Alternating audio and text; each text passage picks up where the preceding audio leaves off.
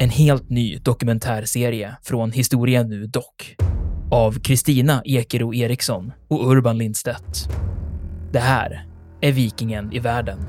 Vikingarna, de var inte något främmande folk. Sannolikt är det ett slags tempel, ett kulthus helt enkelt. Enligt legenden så är rykiderna skandinaver. Från skeppet och bränslet och slavinnan och hennes herre hade blivit till aska. Du hör dokumentären på historia.nu eller där poddar finns.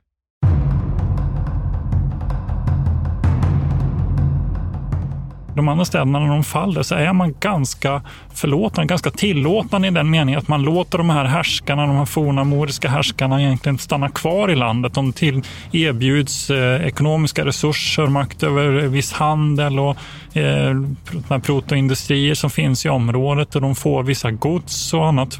De tillåts liksom att stanna kvar för att man inser att om man helt och hållet kastar ut den här moriska befolkningen så så eh, finns det ju ingen kvar i det här området för att muslimerna är en så stor andel av befolkningen. Det är en väldigt liten kristen minoritet som finns kvar här.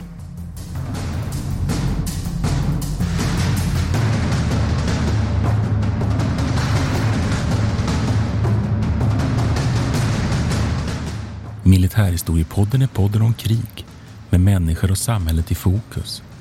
Programledare är Martin Hårdstedt professor i historia vid Umeå universitet och Peter Bennesved, doktor i idéhistoria. Podden ges ut av förlaget Historiska Media.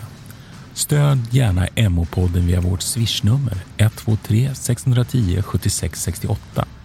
Märk betalningen med MH-podden.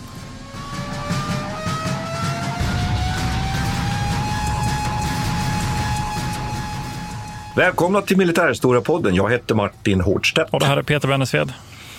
Och det här avsnittet skulle man väl egentligen kunna säga är ett förtäckt sätt för mig att få berätta att jag lite styggt i coronatider har varit på semester. Att jag har varit i eh, Andalusia, i Andalusien. Men det har ju du också Peter. Ja, faktiskt. jag är ju den generationen som var tvungen att göra sådana här språkresor och sånt. Så jag Just. var ju i, i vanlig ordning, för oss 80-talister, så var jag iväg på en språkresa till Malaga ett antal månader. Eh, och jag fick insupa den andalusiska kulturen och reste runt mycket där faktiskt också. På den tiden kunde man inte åka tåg så mycket, så det var mycket bussresor fram och tillbaka mellan de här olika städerna. Men det har också varit, jag gjorde stort intryck på mig, minns jag. Det här mm. området, det är ju väldigt vackert. Ja, så skulle man väl kunna sätta en annan sak, att, att det finns ju fortfarande kvar, tycker jag i alla fall, ett, ett, ett tydligt sånt där moriskt kulturarv. Kanske inte väldigt det kanske inte är så tydligt som jag säger. Det kan bero på att jag uppfattar det så tydligt därför att jag känner till det. Men det finns där i alla fall. Mm. Och vi har besökt lite olika platser du och jag i Andalusien, lite kompletterande platser och bland annat mitt besök i i Granada och Alhambra var ju fantastiskt. Och du har ju varit i Cordoba, vilket jag har missat. Ja, precis. Alltså Cordoba, det, det som mm. man framförallt ser det är väl de här stora moskéerna som, som eh, mm. eh, den muslimska kulturen alla lämnade efter sig. Mm. Egentligen. Sen är det mycket av de här Alhambra finns ju kvar i Granada då förstås.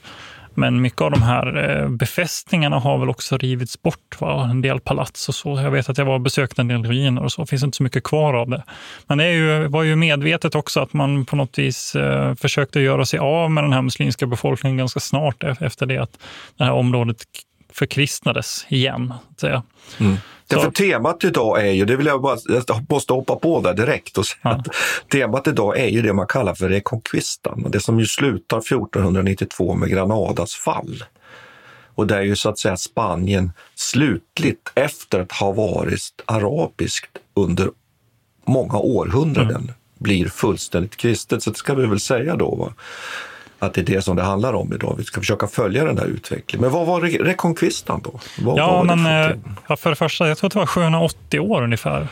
Alltså ja. det är en enorm tidsrymd egentligen, 780 år. Som, som, och det, det här börjar då med att eh, umayyaderna eh, är en slags muslimsk falang, eller en ganska viktig stor del av, av den här muslimska expansionen som påbörjades under 1600-talet. De når alltså fram till den Iberiska halvön under 700-talet och 711 så invaderas då det som vi idag känner till som Spanien. Och det här har varit ett kristet visigotiskt rike under en ganska lång tid. Och de ansåg väl att de var eh, så att säga, först på plats. Men de blev alltså bortjagade av den här Umayyad-kalifatet. och eh, de blir först stoppade egentligen eh, uppe ganska långt norrut eh, mot det området som vi idag känner till som Baskien. Och, och, en vändpunkt brukar man då prata om, det är den här när man lyckas samla sig på den visigotiska sidan med kung Pelayo som motar och avvisar den här muslimska expansionen 722. Och det eh, kan man väl säga då, det är slaget vid Covadonga. Och det är liksom startpunkten på det som man kallar för rekonkistan.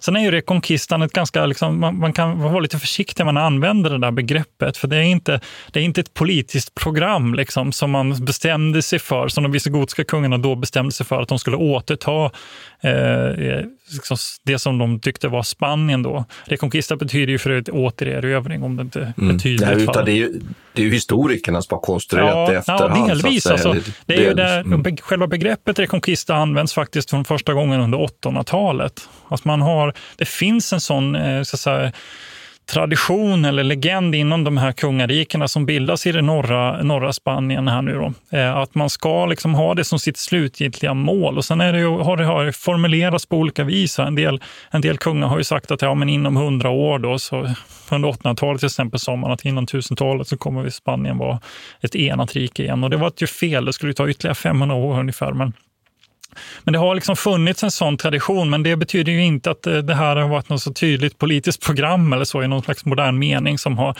bedrivits, utan eh, vägen dit har varit väldigt spretig och det har tagit en väldigt lång process.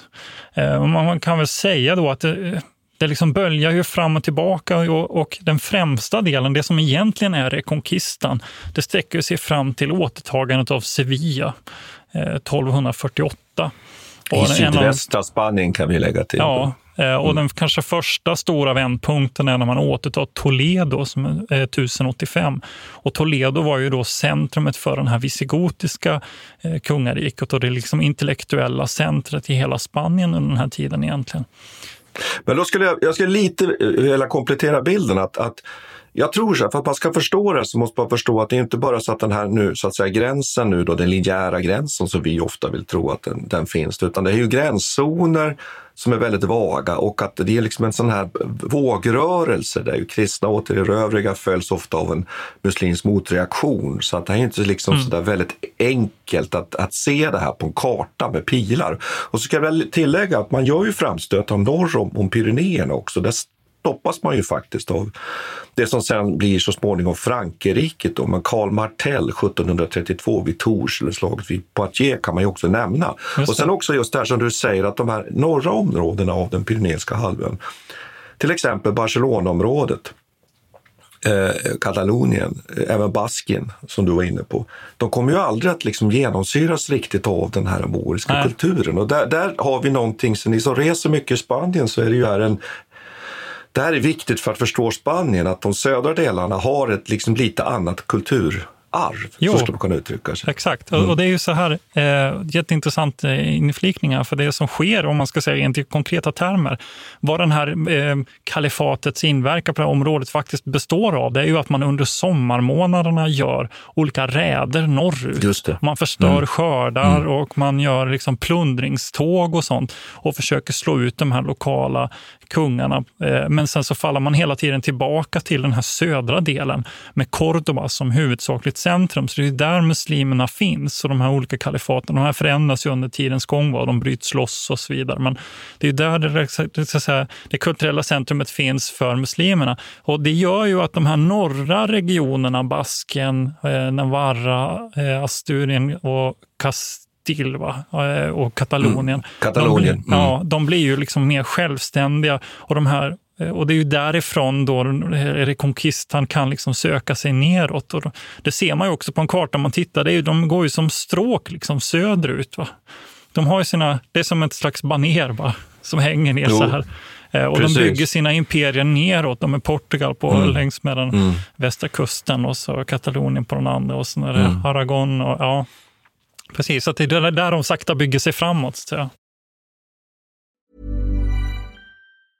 Cool fact a crocodile can't stick out its tongue. Also, you can get health insurance for a month or just under a year in some states. United Healthcare short term insurance plans, underwritten by Golden Rule Insurance Company, offer flexible, budget friendly coverage for you. Learn more at uh1.com. Planning for your next trip? Elevate your travel style with Quince. Quince has all the jet setting essentials you'll want for your next getaway, like European linen, premium luggage options, buttery soft Italian leather bags, and so much more. And is all priced at 50 to 80% less than similar brands. Plus, Quince only works with factories that use safe and ethical manufacturing practices. Pack your bags with high-quality essentials you'll be wearing for vacations to come with Quince. Go to quince.com/pack for free shipping and 365-day returns. Quality sleep is essential. That's why the Sleep Number Smart Bed is designed for your ever-evolving sleep needs. Need a bed that's firmer or softer on either side? Helps you sleep at a comfortable temperature? Sleep Number Smart Beds let you individualize your comfort so you sleep better together. JD Power ranks Sleep Number number 1 in customer satisfaction with mattresses purchased in-store. And now save 40% on the Sleep Number limited edition Smart Bed for a limited time. For JD Power 2023 award information, visit jdpower.com/awards. Only at Sleep Number stores or sleepnumber.com. Skulle man sen vilja liksom dra det här ännu längre så är det ju här vi kan se de här regionala, får man säga skildrande, men också faktiskt motsättningarna i Spanien. Och vi skulle kunna dra det här ända fram faktiskt till, till spanska ja. inbördeskriget och så vidare. Det är de här regionerna som inte är in under den här moriska det är kanske att göra det för långt, men de, de har en liten annan utveckling. Men det som vi kanske måste komma fram till här är ju att, att det, det, på, på morisk sida, på muslimsk sida, så växlar ju naturligtvis härskarna. Det är många olika konstellationer. Man är mer eller mindre påverkad under olika tider av, av de här, vad ska vi säga, mer starkare muslimska rikena längre bort i östra medelhavet och så vidare, kalifaten och så vidare. Men, och man har olika grad av självständighet här på den Iberiska halvön. Men det viktiga är väl i, i det här sammanhanget för Reconquista att så småningom kommer det ju att ske en, kan man säga så, en, en, en reorganisering eller en union mellan de här kristna rikena. Och det är ju egentligen hela utgångspunkten för att det här, det här slut, mm. den sista delen, det som ju är emiratet i Granada, det ska vara möjligt att erövra det. Och det är ju den här alliansen mellan det som är ju Kastiljen och det som är Aragon och det märkliga giftermålet mellan, mellan Isabella och Ferdinand. Mm. Ferdinand Isabella och Kastilien och Ferdinand och Kastilien. Ja, och det där kan man ju resonera i det oändliga eh, om då, men de gifter sig i alla fall. Mm. Och förenar ju då de här två kristna rikena och mm. skapar ju också då naturligtvis en massa resurser. Man kan tycka, att, eh, man kan tycka också att här för att förstå den här skillnaden då mellan, alltså Sevilla tas ju 1248 här nu då. Och sen tar, ja. det liksom, det tar det nästan 200 år innan man tar även den sista delen av det som är av det, här muslimska riket som är Granada-området. Och varför tar det 200 år? Jo, men det är ju precis som du säger här. Det är ju för att under den här tiden har de här rikena blivit så pass stora att man börjar då eh, fundera på vem är det egentligen som ska leda den här rekonkistan? Vilket, vilket rike är det nu som ska ta över det här?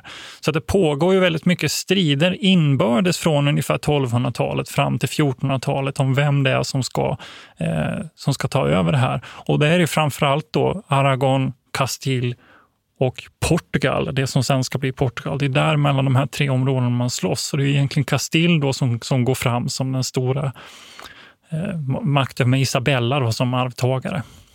Och också Navarra skulle jag vilja lägga till. För att det, ja. Navarra är, men inte det liksom en lite, jag tänker Navarra är bara en liten jo, det, det, jo, absolut, men det är liksom ja. lite bryskt, bryskt erövras ju så småningom. Men, ja. men man kan väl säga att giftermålet då, 1479 som du säger, och det är ju drygt 200 år efter egentligen den där mm. erövringen av, av Sevilla.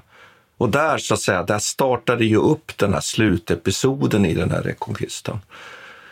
Men jag tycker man skulle kunna stanna upp och ta några, några lite mer generella resonemang kring hur det ser ut med det här med det militära och, och, och, och statsbildandet i Europa vid den här tiden. Ja. Vi är ju inne i en jätteintressant period i Europa där just en, en sån här stat får man ju säga som Spanien ju är, i början av sin, sin, sitt formerande egentligen. Fortfarande är det ju så att inkomsterna till den här centralmakten är ganska liten och den ökar ju lavinartat under den här perioden. Man får det på där man börjar få in resurser. Och de här resurserna används ju nog i stor utsträckning just till militär, att, att sätta upp arméer. Och de här arméerna då, de kommer ju till ofta genom att man gör avtal med enskilda befälhavare, adelsmän, officerare som sen liksom rekryterar de här soldaterna. Eh, och det där tycker jag är någonting som är väldigt spännande, därför att vi är ju inne nu i en fas där genom den här sluterövringen av Granada så studsar ju så att säga Spanien vidare sen till att komma till det man brukar kalla för den spanska guldåldern, där ju Spanien är, får man väl säga, den mäktigaste makten i Europa. Men här är man alltså nu bara i, i vardandet. Så skulle man kunna uttrycka det. Just det här på att man samlar resurser för det här. Men man hade inte klarat det här bara med det som fanns så att säga, i Kastilien och i Aragonien tillsammans, utan man behöver också kristenheten och därför finns påven med här. Och därför tycker jag man kan diskutera en annan ja. sak här lite. Mm. Är, är Reconquistan korståg, då skulle jag ju säga det att det går ju att få olika stöd för det där. Ja, det där är ju en ja. jättebra fråga, för det är ju någonting som man har tvistat om inom historiekastet om hur ska man kalla, ska man kalla det här för ett heligt krig? Eller mm. är det, kan man säga, kanske är det mer korrekt att säga att ett religiöst krig? Och vilken roll, roll egentligen spelar pov, det påvliga styret? Det är ju någonting som Isabella Ferdinand gör, det är ju att de också tar tydlig kontroll över den katolska kyrkan i Spanien. De avvisar ju egentligen påvens eh, förmåga att, eller eh, roll i att bestämma vilka biskopar som ska finnas i de här olika ja, städerna. Ja. De börjar själva Klassisk tillsätta... Kamp mellan, ja, det klassisk kamp mellan liksom kyrka och världslig makt ja. som ju pågår i Europa vid den här tiden. Det är alldeles Precis. rätt. Att, ja. Men jag tycker att, och det är många som har hävdat då att det här är som ett tydligt heligt krig om man tittar på retoriken, om man ser på sättet de agerar, de här symboliska övertagningarna. Och, och Ferdinand hade ju alltid med sig ett kors framför sig, någon som bar på ett kors för att liksom markera den här korstågsgrejen. Men jag tycker också, jag var lite kritisk här och i efterhand, så tycker jag att det är ganska tydligt att det här huvudsakligen handlar rätt mycket om pengar också. För det man får då, alltså om, om man får eh, påven att utropa ett korståg eh, i, alltså att till exempel Isabella Ferdinand ska då utföra ett korståg mot någon stad eller något annat rike för att ta över detta från muslimerna. Då får man också tillgång till den här decima som är tiondet. Det vill säga de inkomster som kommer till kyrkan, så man får helt enkelt ekonomiskt stöd från kyrkan. Det är klart att det är väldigt smidigt då att mena att det här var ett heligt krig, när det kanske egentligen fanns ett annat motiv i bakgrunden. Mm. Och att påven ju hjälper till att plocka hem resurser genom speciella skatter ute i kristenheten för att stödja mm. det här. Men däremot att det här skulle vara ett korståg av det typ som, som vi har diskuterat i, i tidigare avsnitt, korståg så att säga, för att återta det heliga landet. Det, det är väl frågan. Däremot finns det med här att Isabella och Ferdinand genomför ju sådana här pilgrimsfärder till till Compostela till exempel, Santiago de Compostela för att, för att mm. hedra en av Jesu lärjungar som ju dör, dör där och så vidare. Så det finns ju ett symbolspråk som är väldigt viktigt och säkert av de, de, de skäl som du har pratat om, att man där vid lag kan liksom få in de här resurserna. Isabella tycks ju också vara en ganska fanatisk religiös person. Och som har, ja. hon, får, hon får ju också, alltså när Ferdinand gifter sig med, med eh, Isabella av Kastilien så får, hon, får han ju också skriva på ett avtal där, att, att han lovar att han ska ställa sina resurser till förfogande för att slutligen kasta ut morerna från, från Granada. Av huvudsakligen religiösa skäl, så står det i alla fall skrivet i det här kontraktet. Då. Men, men, eh, så att hon, hon tycks ha varit eh, pious, så att säga, väldigt gudfruktig och har haft det som, som ett övergripande mål i den här, eh, i sin, under sin regeringsperiod. Men då kan man säga att sen finns det då nästa, nästa så det finns ju flera saker här nu som leder fram till den här slutliga erövringen av Granada. En, en sak är ju då att man har ju redan egentligen kontroll över det här. Vi har ju haft lite, ett avsnitt där vi har pratat om, om Konstantinopel det är ju egentligen den, den östromerske kejsaren Konstantinopel egentligen var ju en undervasall redan från början mm. egentligen till det Osmanska riket. Betala tributer och... Liksom, ja, precis. Ja. Så att den där, den där sluterövringen var ju egentligen bara, om man, man får ursäkta, så att säga, en, en formsak. Och lite samma sak här, nämligen att att den här emiratet i Granada betalar ju skatter och egentligen så behövde man kanske inte ta det här området för man fick det man ville ha. Men 1481 då, väldigt oklokt, så slutar man ju att betala skatterna.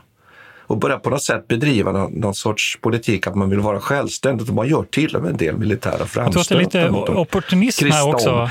För ja. Att, ja, för att det pågår en, för att Ferdinand och Isabella håller just nu på att strida om en, en tronföljdskrig här. Jag tror jo. att det är delvis därför också att de är upptagna med Portugal eh, och Joana da Loca, eller Joana la Loca som är en, en, någon eh, systerdotter, va? eller en brorsdotter till Låter som en, som en slagdänga från Ja, något. Eh, precis. Så hon gifte sig med den här portug portugisiske kungen Alfonso. Och, och mm. de, de strids, så att de är upptagna med, och då tar då den här emiren i Granada det tillfället att säga nej tack till att betala de här tributerna. Jag tror det är en del av det är det i alla fall. Ja, och, och sen, sen, är det också en sak som är jätteintressant här. Och det, det, det är ju det är omöjligt att, så att säga, reda ut alla detaljer i detta, skulle jag vilja påstå i alla fall. I alla fall i, i det här forumet, tycker jag.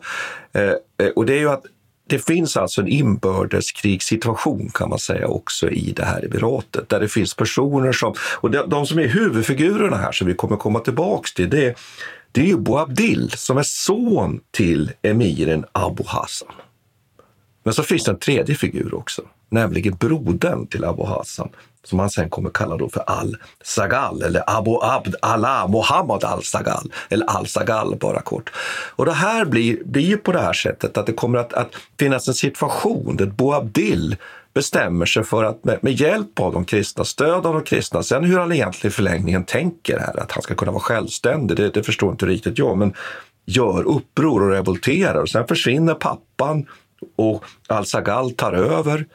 Och eh, eller pappan utmanövreras, Al-Sagal tar över. Och så fortsätter liksom den här Boabdil att försöka få makten och sen får han makten och sen slutar det ändå med att han blir besegrad. Så det där finns också med och det kan vi, mm. kan vi, kommer vi att återkomma till. Men det ja, tycker jag också är viktigt här att det finns en inbördes konflikt inom det här. Alltså tiden håller på lite att rinna ut för det här emiratet. Skulle ja, exakt, det är liksom inte en, en, ett enat rike egentligen som, som står emot Ferdinand och Isabella. Och det är också så att de är väldigt medvetna om att det här stora kalifatet som de tidigare haft i ryggen, som har sitt centrum i, i, i norra Afrika och bort mot Bagdad, det, här, det håller också på att bryta upp i flera olika eh, små kalifat och, och liksom maktcentrum. Så att man, eh, det är, även den muslimska världen håller på att bryta ihop på det viset, vilket gör att man inte längre kan få stöd. Man kan inte räkna med något stöd från norra Afrika och Egypten till exempel mamluckerna som finns där i Egypten är ju inte villiga att, att eh, ställa upp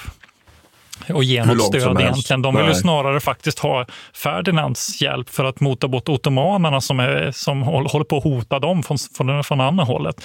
Så de, deras, deras försök att medla i den här konflikten slutar egentligen med att de bara försöker säga till Ferdinand men, men låt dem där, låt Al-Sagal vara nu. Eh, han klarar sig, han lovar att gå med på de här eh, Eh, reglerna. Bara ni hjälper oss istället mot ottomanerna. För, för det är ju en annan kontext som pågår liksom, eh, på andra sidan Medelhavet här.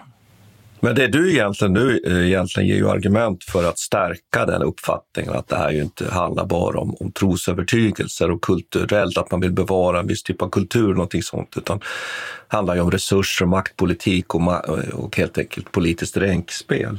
Ja, jag, jag, tycker att, jag tycker att en sak som, är, som jag tycker vi måste in på, för det här är ju faktiskt militärhistoriepodden här, det är ju att eh, jag har ju jag har rest runt lite i de här, i de här bergstrakterna kan jag ju säga och det har ju du också gjort. Och det man slås av att det här är, det är ju, det, alltså det, den här kastilianska så att säga högplatån, La Mancha, där ju Don Quijote La Mancha en gång i tiden liksom red, man får ju se det.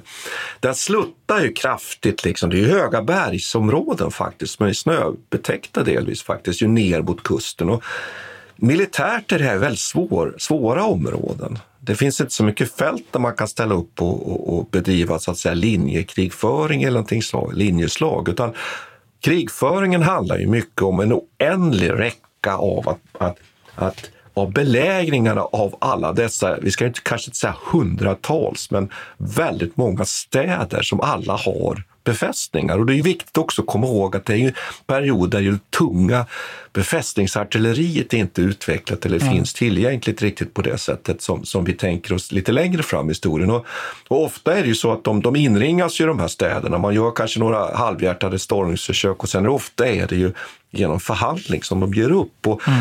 eh, jag, ska, jag vill bara säga att jag har ju varit i Ronda bland annat och det ja, kanske någon har lyssnat. Så, ja, och det, den staden är ju fantastisk och där får man ju en uppfattning, nu kanske den är lite extrem, men alltså den bygger byggt på de här ravinerna och, och, och, man förstår ju att det var komplicerat. Nu följer ju faktiskt Ronda just på 14 dagar, men, men man måste ju förstå att det är svårt att föra krig. Och sen också, som du ju var inne på Peter, det är ju säsongskrigföring. Man slåss ju mellan sådd och skörd. Mm. Sådd och skörd. Precis. Och, och sen handlar krigföringen, det som Ferdinand och Isabella, eller Ferdinand är den som kommer att bli den som liksom driver de här krigföringarna, i, eh, är ju att han, han det är ju framför allt att man har li, minst lika många arbetare eller soldater för att föröda de arabiska skördarna. Det är mm. det man slår mot här för att minska resurserna. Liksom. Precis, ja, jag håller helt med dig. Jag kommer ihåg ett, tydligt minne från när jag var i Granada. Det var ju att jag också besökte Sierra Nevada. Sierra Nevada är ju den här stora bergskedjan som ligger precis i anslutning till, till, till Granada och de har en känd skidort. Vet jag. Så att, och det var en av deras försäljningsargument då, att man kunde liksom på samma dag eh, bada i havet och njuta av 20 grader värme och sen så kunde man eh, också åka upp till fjällen då, eller det, ja, i fjällen, bergen fjällen i svensk koncept, men, och åka snowboard, vilket jag också prövar på att göra. Alltså, det, var, och det kan man väl komma ihåg då att vår bild av Spanien, eller vår populära bild nu, är att det är ganska varmt. Och det är det ju eh, till stor del, det kan bli otroligt hett under sommarna längs med kustgränserna. Men uppe i bergen är det ganska kyligt och man drabbas också av snö lite då och då, eh, vilket även i modern tid ställer till det. Jag vet att det varit flera, flera gånger som man har läst om snöfall i, i, längs, i södra Spanien, vilket lett till många dödsfall. Och så där. så det, är, det är inte ett helt förlåtande klimat i de här inre områdena som gör att det ställer till en hel del för dem. Det mm. regnar också väldigt mycket, så de här belägringarna kan bli väldigt smutsiga och jobbiga. Och, och, eh, och, och de här sluttande liksom, odlingsfälten gör också att det kan bli ras och sådana saker som, som sveper, sveper med sig liksom, eh, hela läger och sånt där som ställer till det för dem. Mother's Day is around the corner. Find the perfect gift for the mom in your life with a stunning piece of jewelry from Blue Nile. From timeless pearls to dazzling gemstones, Blue Nile has something she'll adore. Need it fast? Most items can ship overnight. Plus, enjoy guaranteed free shipping and returns. Don't miss our special Mother's Day deals. Save big on the season's most beautiful trends. For a limited time, get up to 50% off by going to BlueNile.com. That's BlueNile.com. Normally, being a little extra can be a bit much, but when it comes to healthcare, it pays to be extra and United Healthcare makes it easy with Health Protector Guard fixed indemnity insurance plans. Underwritten by Golden Rule Insurance Company, they supplement your primary plan, helping you manage out of pocket costs without the usual requirements and restrictions like deductibles and enrollment periods. So when it comes to covering your medical bills, you can feel good about being a little extra. Visit uh1.com to find the Health Protector Guard plan for you. Quality sleep is essential. That's why the Sleep Number Smart Bed is designed for your ever evolving sleep needs. Need a bed that's firmer or softer on either side? Helps you sleep at a comfortable temperature? Sleep Number Smart Beds let you individualize your comfort so you sleep better together. JD Power ranks Sleep Number number 1 in customer satisfaction with mattresses purchased in-store. And now save 40% on the Sleep Number limited edition Smart Bed for a limited time. For JD Power 2023 award information, visit jdpower.com/awards. Only at Sleep Number stores or sleepnumber.com. Men jag skulle vilja lägga till och säga att det, det, finns än idag alltså rester av att man bygger alltså helt enkelt etapplinjer, vägar över de här bergsområdena. Det var en del av krigföring för att kunna föra in resurser. Vi är ju inne på en av våra käpphästar här nu, att krigföringen inte alla gånger handlar om, om, om det som händer på slagfältet. Ska vi förstå krig måste vi förstå det som händer runt omkring, kanske eh, det som händer i de marscherande soldaternas spår. Och det tycker jag är ett uppenbart i det här fallet, att det handlar om hur man får in resurser. Sen tycker jag man också kan kommentera att vad hade man nått när det gäller utrustning och så vidare? Ja, fortfarande är det så att, att de här schweiziska pikinerarna som ska att behärska slagfälten under en period, det, det, ligger lite längre fram. Det är nästa steg. Alltså efter den här segern över Granada, då kommer Spanien att involveras i krigföringen och i de här konfrontationerna i Västeuropa och krigen i Italien. Där kommer man att lära sig att använda då de här tungt beväpnade eh, infanteriformationerna. Det är det som sen Gustav II Adolf faktiskt möter under 30-åriga kriget. Men, men här är det fortfarande den enkla utrustningen, det är svärdet, det är sköldet, det är den lätta rustningen.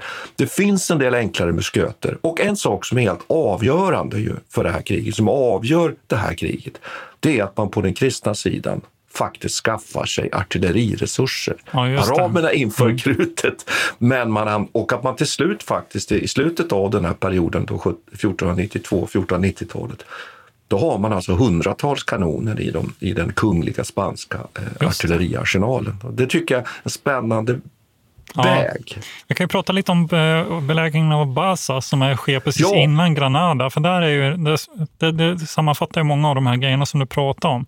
Och det är en av de mer blodiga belägringarna, pågick ungefär sex månader.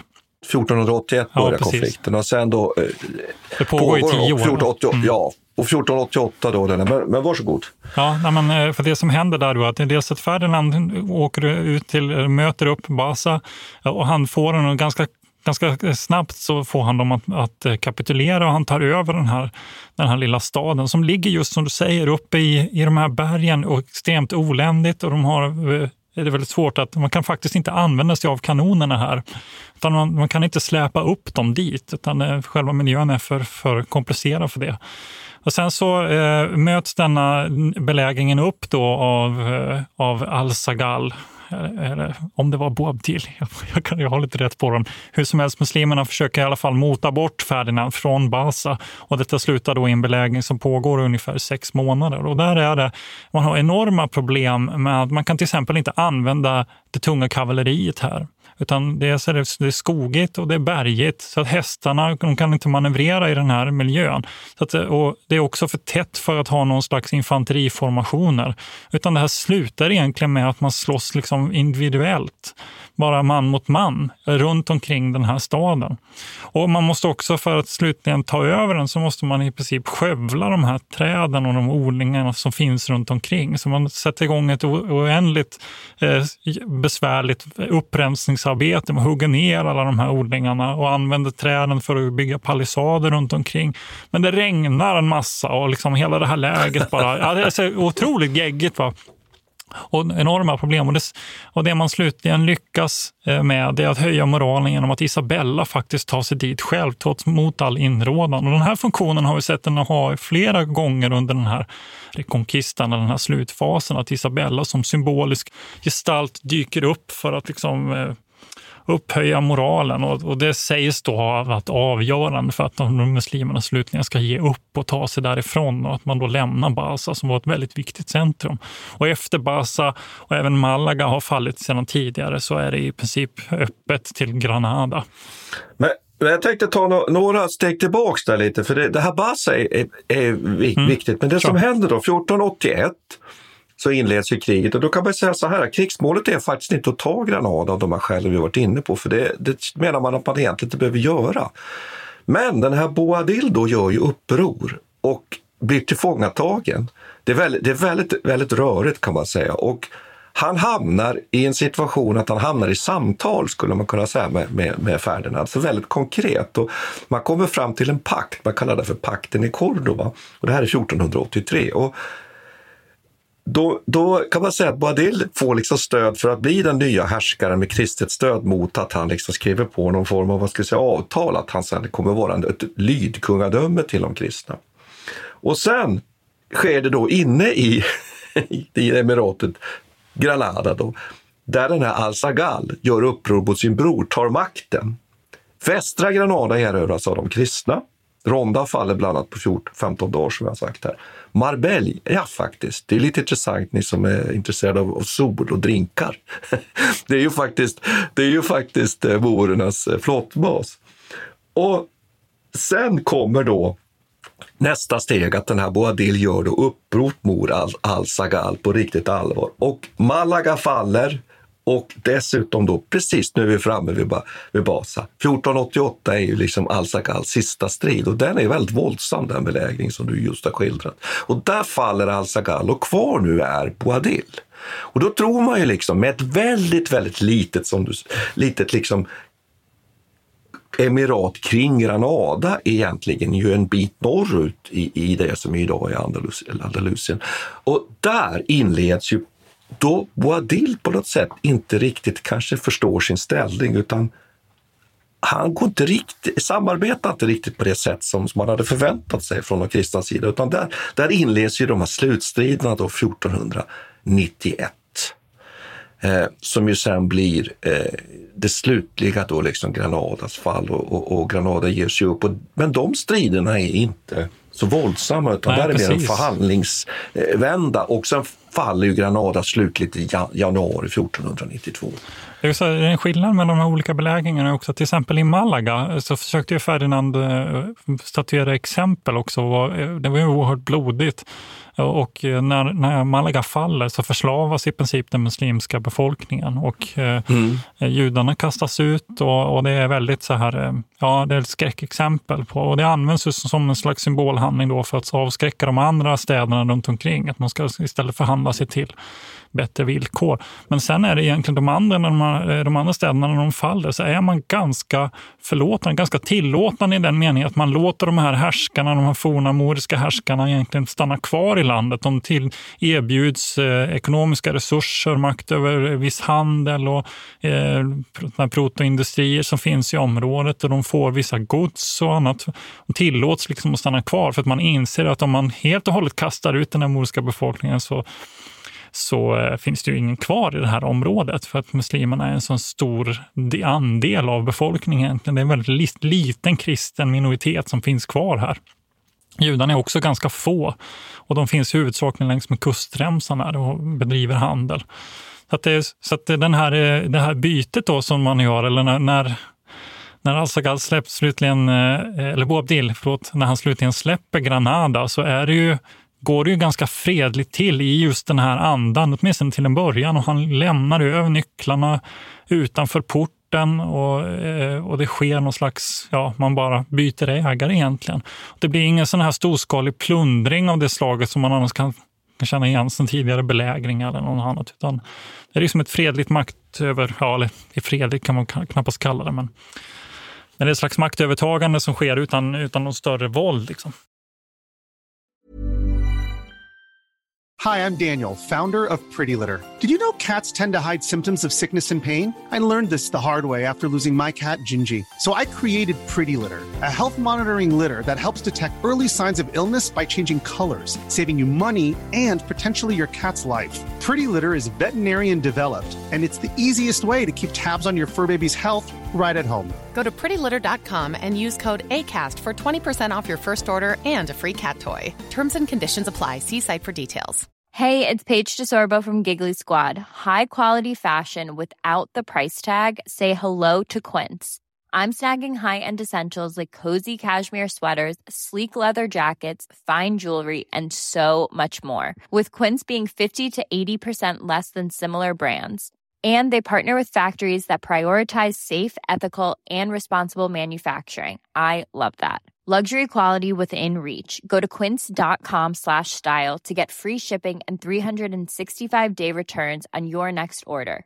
quince.com slash style Mom deserves the best, and there's no better place to shop for Mother's Day than Whole Foods Market. They're your destination for unbeatable savings, from premium gifts to show-stopping flowers and irresistible desserts. Start by saving 33% with Prime on all body care and candles. Then get a 15-stem bunch of tulips for just $9.99 each with Prime. Round out Mom's menu with festive rosé, irresistible berry chantilly cake, and more special treats. Come celebrate Mother's Day at Whole Foods Market. Det där man skulle kunna komplettera med lite inom skildringen är också, vi var ju inne på det lite det här med, med, med färderna Isabella och det här religiösa. Det är just att man bedriver den här pilgrimsfärden som jag var inne på här. Den, den genomför man då 1486 och från där så brukar man ibland då i litteraturen kring Reconquista, den här slut, slutstriden, säga att, att man brukar prata om att det blir mer karaktären av ett litet kors landsfareri här, men att den ändå kanske lite mer är symbolisk. så att säga. Och, och när vi är inne på det där med symboler, där, så du nämnde ju de här nycklarna. Och där har man ju diskuterat lite huruvida de egentligen lämnas över eh, verkligen officiellt då, så att säga, i den här ceremonin som vidtas när Isabella och Ferdinand rider in i staden och tar emot tar emot nycklarna som symbol för, för Alhambra och fästningen Alhambra. Och, Eh, och det är ju verkligen en fästning, måste jag säga, man, när man har besökt den och suttit och ätit middag vid, liksom på lite avstånd från, från det upplysta Alhambra så, så liksom får man ju en liten, det är historiens vingslag där man får en känsla av här att det här, det här var inte någonting som man bara intog hur som helst. Och det där kan man ju fundera kring att där har man ju också pekat på att Ferdinand och Isabella ska ha varit klädda i moriska kläder.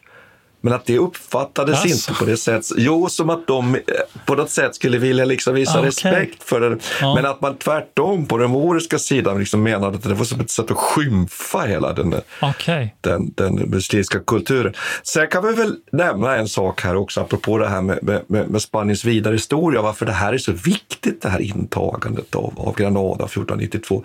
Det finns ju med en figur här kan man ju säga. Mm. Den här Columbus. Just det. Som, som, om man nu ska vara lite elak, så är han ju där vid, vid det här hovet och egentligen, ja får man faktiskt säga så, han, han rövslickar sig ganska ja, han, ordentligt han är, till resurser, för han har ju sitt projekt. Han är ganska märklig gestalt i den här perioden. Ja. Så han, han, har ju sina, han är ju en, en slags uh, borgerligt, eh, liksom en borgarson. Va? Jag tror att hans far ja. är någon slags hantverkare eller boktryckare eller någonting sånt där. Eh, och eh, han, han, har liksom idéer om hur han ska ta sig runt jorden. Men han verkar inte vara så jätteframgångsrik, men han uppsöker de här hoven. Han, han följer ju egentligen efter Isabellas hov under typ en tioårsperiod. Ja, ja. Och därav mina el, mitt elaka uttalande. Ja, ja, precis. Ja, och han får ju de här resurserna. Sen. Och jag ska bara säga det att liksom jag blir lite, jag blir liksom lite upprymd för han är ju med och ser det här i Granada. Mm. Han är på plats där. Och det fantastiska är ju sen att den här, den här får man ju säga mannen då, han får ju stöd och han får ju sina fartyg och han ger sig iväg. Och sen, sen får ju Spanien ett helt otroligt imperium borta i den nya världen som ju blir liksom hela basen resursmässigt för att bygga upp Spanien och bygga, bygga använda den här rikedomen till att framförallt förgylla staten och bedriva krig. Och, och, men inte, inte egentligen bygga upp Spanien i grund och botten, det spanska samhället, infrastruktur, någonting sånt. Men att här samlas på något sätt i Granada dels den här enigheten, kristna enigheten, avslutet på reconquistan, men också Columbus. Jag tycker det är liksom fin bild den där. Precis, det, det, har ett oerhört stort, eh, alltså inom det, det historiska fältet brukar vi prata väldigt mycket om det här Granadas fall. Det är oerhört viktigt. Dels för att Dels är det ju så att den här muslimska kulturen, som man också kan kalla för en högkultur, mycket mer liksom intellektuellt vågad och progressiv än de här visigotiska rikena var. Alltså de var oerhört krigiska och, och, inte särskilt intellektuellt förkovrande. Men däremot den här muslimska miljön i Cordoba är ju känd som ett oerhört stort intellektuellt centrum. Mycket av den här antika litteraturen översätts här nu till arabiska och sen får komma att stanna kvar och föras vidare in i den västerländska kultursfären. På lite liknande sätt som vi ser i i ehm, Konstantinopel. På det viset så man, man beskriver också på den kristna sidan det här lite som ett byte, som en tröst mot Konstantinopel som man har förlorat eh, 40 eh, år tidigare. Här, va? Att man ser att ja, nu har vi fått tillbaka Granada i alla fall och Alhambra. Man, eh, så på det viset har den ett oerhört stort symbolvärde. Och det som du säger, Columbus här nu, det som sker eh, inom den intellektuella sfären efter Columbus upptäckter är ju det att man inser att alla är ju inte kristna. Och alla har, alltså det finns en ny, så här, ny syn på vad mänskligheten är som får jättestora effekter. Eh, också vad kyrkans roll ska vara och så här som, som, som förändrar Europa i grunden egentligen. Så det, det här är ju oerhört stort. Men det här är ju sånt som sker förstås inom eh, flera hundra år framöver. Alltså man ska ju inte överdriva eh, heller Columbus roll. Här. Han åker ju dit, va? men hans tillbaka tillbakaresa. Han har med sig ett gäng eh, eh från ursprungsbefolkningen här i väst, i det som vi kallar Västindien idag.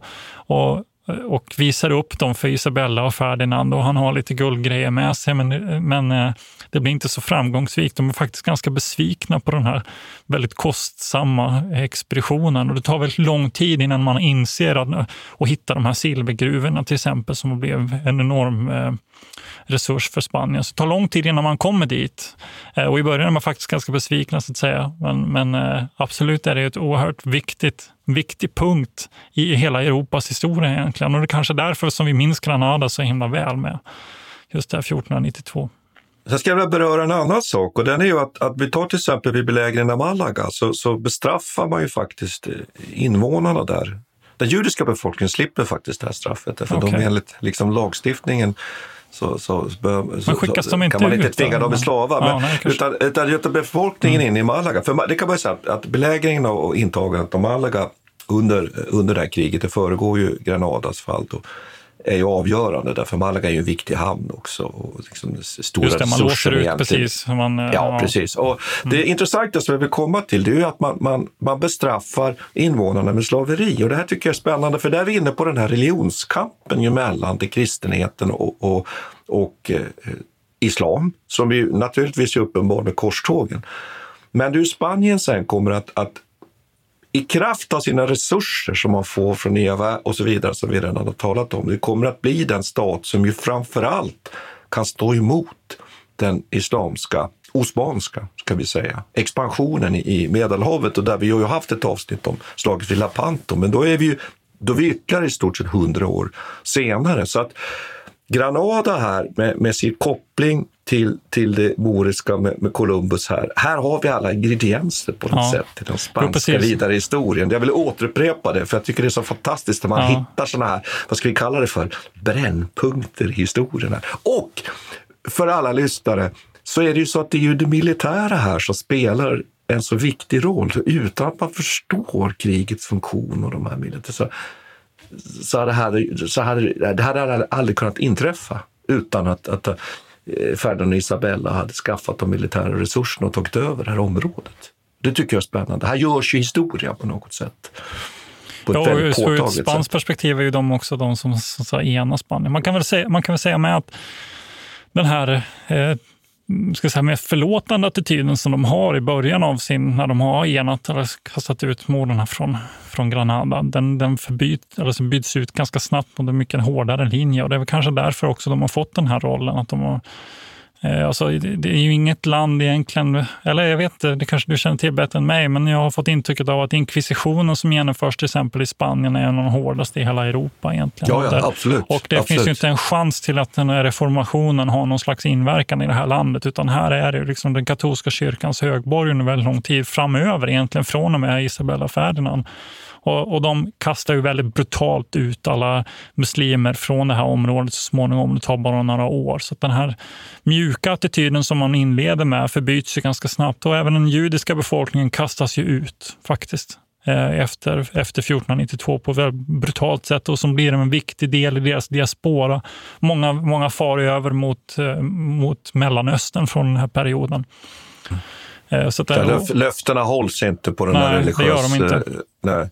Så det är ett oerhört, de, de är ju brutala, de är ett spännande par med Isabella Ferdinand. Jag, jag vet att ett sätt att, att ena, eh, att få kontroll över den här adelsklassen som finns i Spanien, den här Cortés som de kallar, det är ju att de också bildar en egen armé av egentligen legosoldater. De gör sig inte lika beroende av den här adelsklassen för att just, för att just kunna ena Spanien och få kontroll över liksom, de här maktfunktionerna. Och de, de bildar också en poliskår som är ganska känd som, som för att liksom stävja kriminalitet och sånt på de här, i de här olika byarna. Och de är, de är eh, ja, väldigt, på ett sätt väldigt brutala, framsynta, men lyckas ju ändå med att så här, ena ett, ett väldigt splittrat rike. Och det, har vi ju sett, det får vi se flera gånger under historien framöver, hur svårt det är att hålla ihop Spanien faktiskt. Och det, det, det, Ja. Jag tycker egentligen på något sätt så, så blir det där lite en, en, bra slutvinjett, att vi på något sätt liksom avrundar där vi, där vi slutar. Att, att just det här med att staten formerar sig och blir självständig och stark. Och som du säger, de här cortes, alltså de här lokala kan man säga maktcentra som ju kommer Mm. att spela roll sen lite senare i historien faktiskt också vara bitvis ett problem, bland annat Ja. eh, maktcentrat i Basken och så vidare. Ja, precis. Jag menar, precis, Oviedo och jag tror- ja, viktigt, Ja, liksom. och jag tror ju också att den här inkvisitionen, Mm. eller det är inte bara jag utan historikerna tror så att det också är en del av det här politiska maktövertagandet. Att här är ju så att säga kungamakten i för, förarsätet och kan använda det här också mot sina politiska motståndare. Det är inte, det är inte bara en, utan flera motståndare som ju anklagas för Ja. kätteri och så kan de föras, faktiskt avrättas, vilket ju sker på grund av sin religiösa Ja, i hundratal får man säga. I hundratal. Ja. Och det handlar ju inte om att man var muslim, utan det handlar ju om att man till exempel muslimer som hade konverterat till kristendom eller om man var protestant eller hade någon sån läggning eller ifrågasatte den katolska kyrkan kunde man råka illa ut. Eller bli utsatt för rykten bara, eller Ja. vad som helst. Det var oerhört... eh, Det måste vara ett, ett skräckvälde på många sätt som Isabella och Ferdinand inför här efter. Ja. Men där kanske vi ska ta och avrunda och tacka, Ja, ja. tacka för oss. Alltså en viktig del, Reconquistan och eh, Granada 1492. Mycket intressant del av den militära historien också faktiskt. Tack ska vi ha. Tack ska vi ha. Vi tackar Peter Bennesved och Martin Hårdstedt. Kontakta gärna Militärhistoriepodden via mejl på militarhistoriepodden historia.nu. Peter och Martin vill gärna få in synpunkter och förslag till programidéer.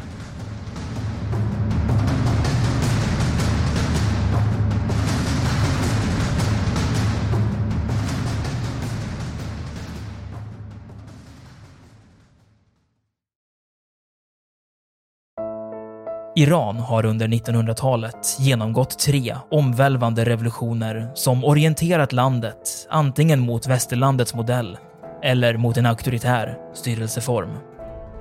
Idag pågår en social revolution i landet som vänder sig mot det islamistiska styret och vars anhängare har Europa och väst som förebilder. I en viktig bok ger idéhistorikern Mohammad Faslashemi en djupare förståelse för dagens dramatiska händelseutveckling. Iran mellan tre revolutioner är utgiven av förlaget Historiska Media. Beställ den fysiska boken på förlagets hemsida historiskamedia.se eller köp den i en bokhandel nära dig.